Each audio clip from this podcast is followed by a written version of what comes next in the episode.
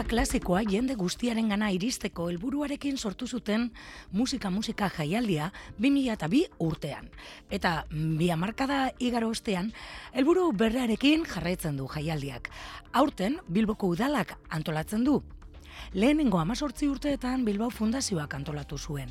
Iruro eta mar kontzertu baino gehiago prestatu ditu jaialdirako, ekitaldiak martxoaren iruan aziko dira eta bostean amaituko dira. Aurtengo jaialdiari notak eta letrak izenburua jarri diote, musikaren eta literaturaren artean gurutzatzen diren ariak.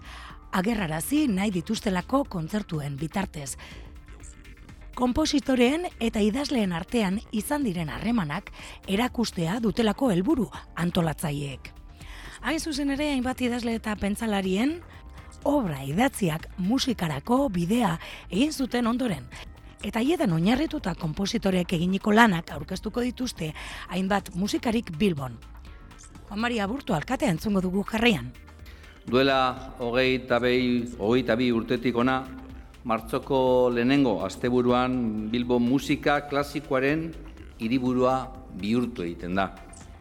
Musika musika jaialdiak Bilbo Europako kulturaren erdigunean jarriko du berriz ere, hiru egunez.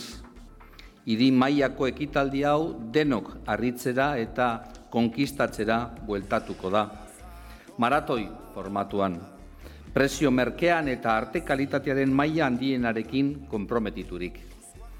Bilbo kulturaren erdigunea izango da. Musika klasikoaren Europar hiriburua.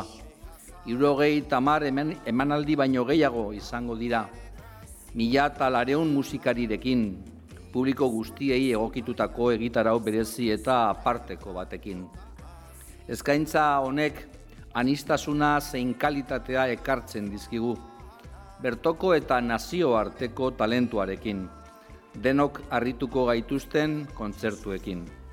Euskadiko emakume ahots handiak igoko dira agertokietara, eta nazioarteko ganbera orkestrak Euskaldunara iritsiko dira.